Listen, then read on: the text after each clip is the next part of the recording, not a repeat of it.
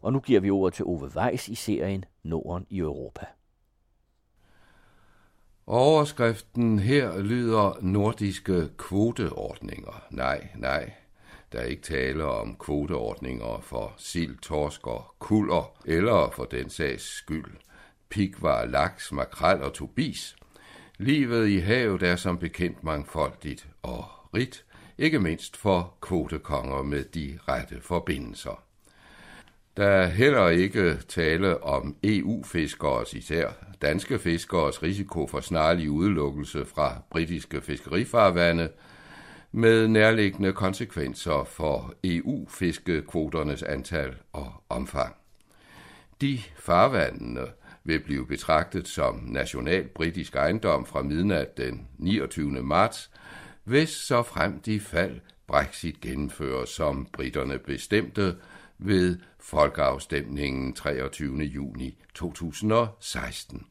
Fuldt af alt fra politiske tømmermænd til standhaftig fastholdelse er en, som det siges, hård Brexit, fastholdt af især det konservative regeringspartis højrefløj med fortsatte imperiedrømme.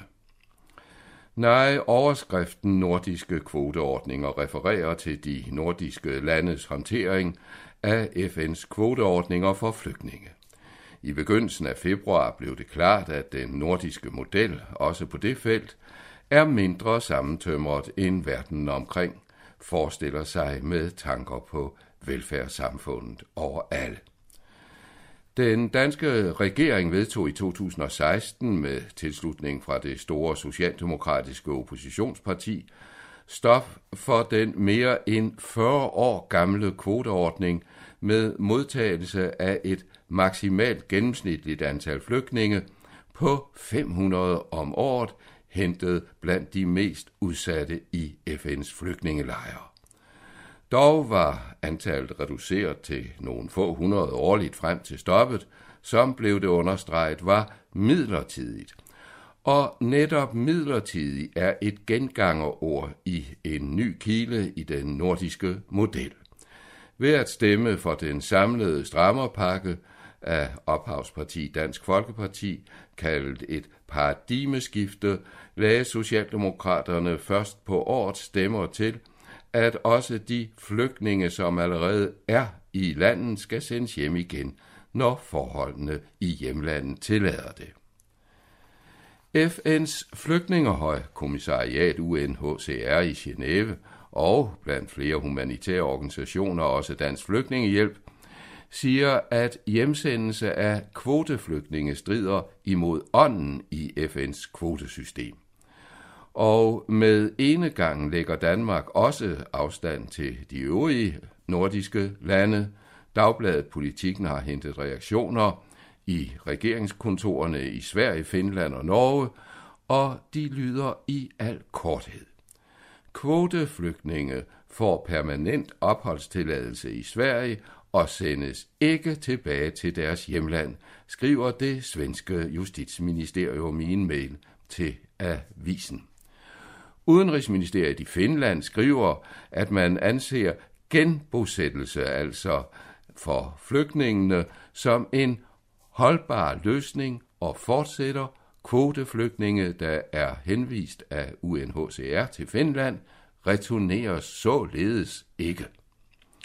Og endelig skriver det norske justits- og beredskabsdepartement, nej, Norge sender ikke kvoteflygtninge tilbage, det vil være i strid med langvarig praksis. Sådan var reaktionen også i første omgang fra den socialdemokratiske udlændingeordfører Mathias Tesfaye, men efter få dage besluttede hans parti sig for at stemme for det samlede paradigmeskifte. Regeringen nægtede at dele lovpakken, Socialdemokratiet fik sat stolen for døren, det var alt eller intet. Til dette alt hører også forringelse af integrationsydelsen, som Socialdemokratiet dog, hvis partiet får regeringsmagten, vil henvise til behandling i en såkaldt ydelseskommission af et års varighed. Umiddelbart vil et regeringsskifte altså ikke betyde tilbagevenden til integrationsydelsens hidtidige niveau, men det kan regeringsforhandlingerne selvfølgelig ændre på, for det ligger de potentielle støttepartier i Centrum Venstre stærkt på sinde, for at sige det mildt. Så i spørgsmålet om FN's kvoteflygtninge var det en isoleret dansk S-formand og statsministerkandidat Mette Frederiksen, der i den sidste uge af januar mødte til årsmøde i Helsingfors i Samark. Samark, som er en forkortelse af Samarbejdskomité, har lige siden 1886 været koordinerende organisation for de nordiske socialdemokratier og fagbevægelser, altså LO'erne, engang under fællesbetegnelsen Arbejderbevægelsen, hvad også fremgår af navnet. På det seneste er båndene mellem det faglige og politiske løsnet en del. I Danmark til eksempel ophørte LO's og Socialdemokratiets gensidige repræsentation i hver andres ledende organer i 1995. Men det nære forhold er stadig intakt og ikke kun i form af økonomisk støtte til den politiske del fra fagforeningskontingenter, de senere ugers noget uklare pensions- og ulighedsdebat foregår for eksempel i tæt kontakt mellem S og LO. I Samak, som med meget ret ser sig selv som hovedentreprenør på den nordiske model, udarbejdes fælles programmer for centrale politiske emner som arbejdsmarkedspolitik, europapolitik, selvom de nordiske landes tilknytning til EU er forskellig, velfærdspolitik, demokrati, globalisering og menneskerettigheder. Hvad det sidste angår, var der et tydeligt skæld mellem de danske og de andre nordiske landes delegerede på mødet i Helsingfors. Mens Mette Frederiksens parti har indgået en udlændingepolitisk alliance med Dansk Folkeparti, som gang på gang udfordrer menneskerettighedskonventionerne, betragter Socialdemokratierne i Sverige, Finland og Norge højre nationalismen som hovedfjenden, det vil sige Sverigesdemokraterne, de sande finder og Norske Fremskridtspartiet. Weekendavisens mand Hans Mortensen var på stedet i Helsingfors i de finske arbejderes forsamlingsbygning Pasitoni i dag ombygget til konferencecenter med tilhørende hotel. Mortensen er forfatter til flere anerkendte bøger om Socialdemokratiet og Socialistisk Folkeparti. Han rapporterede hjem om, at selvom den danske S-formand ifølge programmet skulle have talt om, hvordan hun, som hun tidligere har bekendt gjort, ville være børnenes statsminister, så talte hun mest om udlændingepolitik. Som observanten beskriver, citat, alle lyttede og så ud, som om de var enige, for det gør kammerater, men de kommenterede aldrig. På et tidspunkt havde den finske mødeleder manen til, at alle, især danskerne, talte langsomt. Så måske forstod de bare ikke, tænker Hans Mortensen og konkluderer, citat, Selvom udlændingespørgsmålet ikke var til stede, lå det et sted nedenunder. Men det lå der med en underforstået enighed om, at vælgerne egentlig ikke stemmer på indvandringskritiske partier, fordi de har noget imod indvandring. Det er utrygheden i jobbet, tvivlen om pensionen rækker, om huslejen kan betales, der får dem til at vælge partier med rødder i nazismen, som Løfven udtrykte det, citat slut, altså den nyligt tidsforlængede svenske statsminister Stefan Löfven.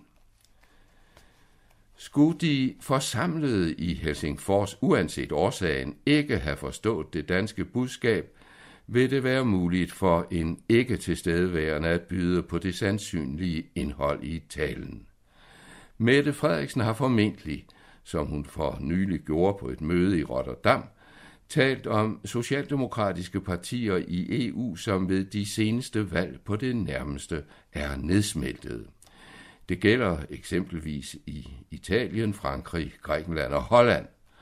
Og så har hun som begrundelse for, at det danske parti fortsat er landets største, fremhævet den stramme udlændingepolitik, blandt andet uden flygtningekvoter i alliance med det nationale skvulp af den europæiske højrebølge. Og netop her findes måske forklaringen på, at de nordiske kolleger, som Mortensen beskriver i Weekendavisen, ikke til fulde har forstået indholdet. For de har for eksempel ikke annulleret FN's flygtningekvoter, og alligevel ligger deres tilslutning på niveau med Danmark, selvom det langt fra er prangende. Ved de seneste valg fik de svenske sosser i hele tal 28 procent af vælgerne, norske Arbejderpartiet 27 procent, den danske Pangdang 26 procent, mens finske SDP ligger nogle procent lavere, men til gengæld synes tæt på regeringsmagten inden sommer. Et andet argument, som en fraværende kan forestille sig, er indgået i Frederiksens budskab til hendes nordiske fælder i Helsingfors, er af nyere dato i den demokratiske debat. Mette Frederiksen har blandt andet begrundet sin fremmedpolitik, blandt andet det midlertidige stop for FN's kvoteflygtninge med, at 80 procent af befolkningen skulle være enige i stramningerne, så der ingen grund er til at argumentere mod dem. Nok så bemærkelsesværdigt er, at lederen af det lille Socialistisk Folkeparti SF, Pia Olsen Dyr, kalkerer argumentet. I et interview i Politiken 10. februar sagde hun, citat, Vi anerkender, at der er et meget stort flertal af danskerne og i Folketinget, som ønsker at videreføre den udlændingepolitik, der er. Citat slut. Interessant sagt er lederen af et parti, hvis tilslutningen kredser omkring 5 procent, så 95 procent af befolkningen må formodes at være modstandere af den folkesocialisme, hendes parti bærer i navnet, uden at hun af den grund har strakt våben, men sådan er tonen altså på nutidens barrikader.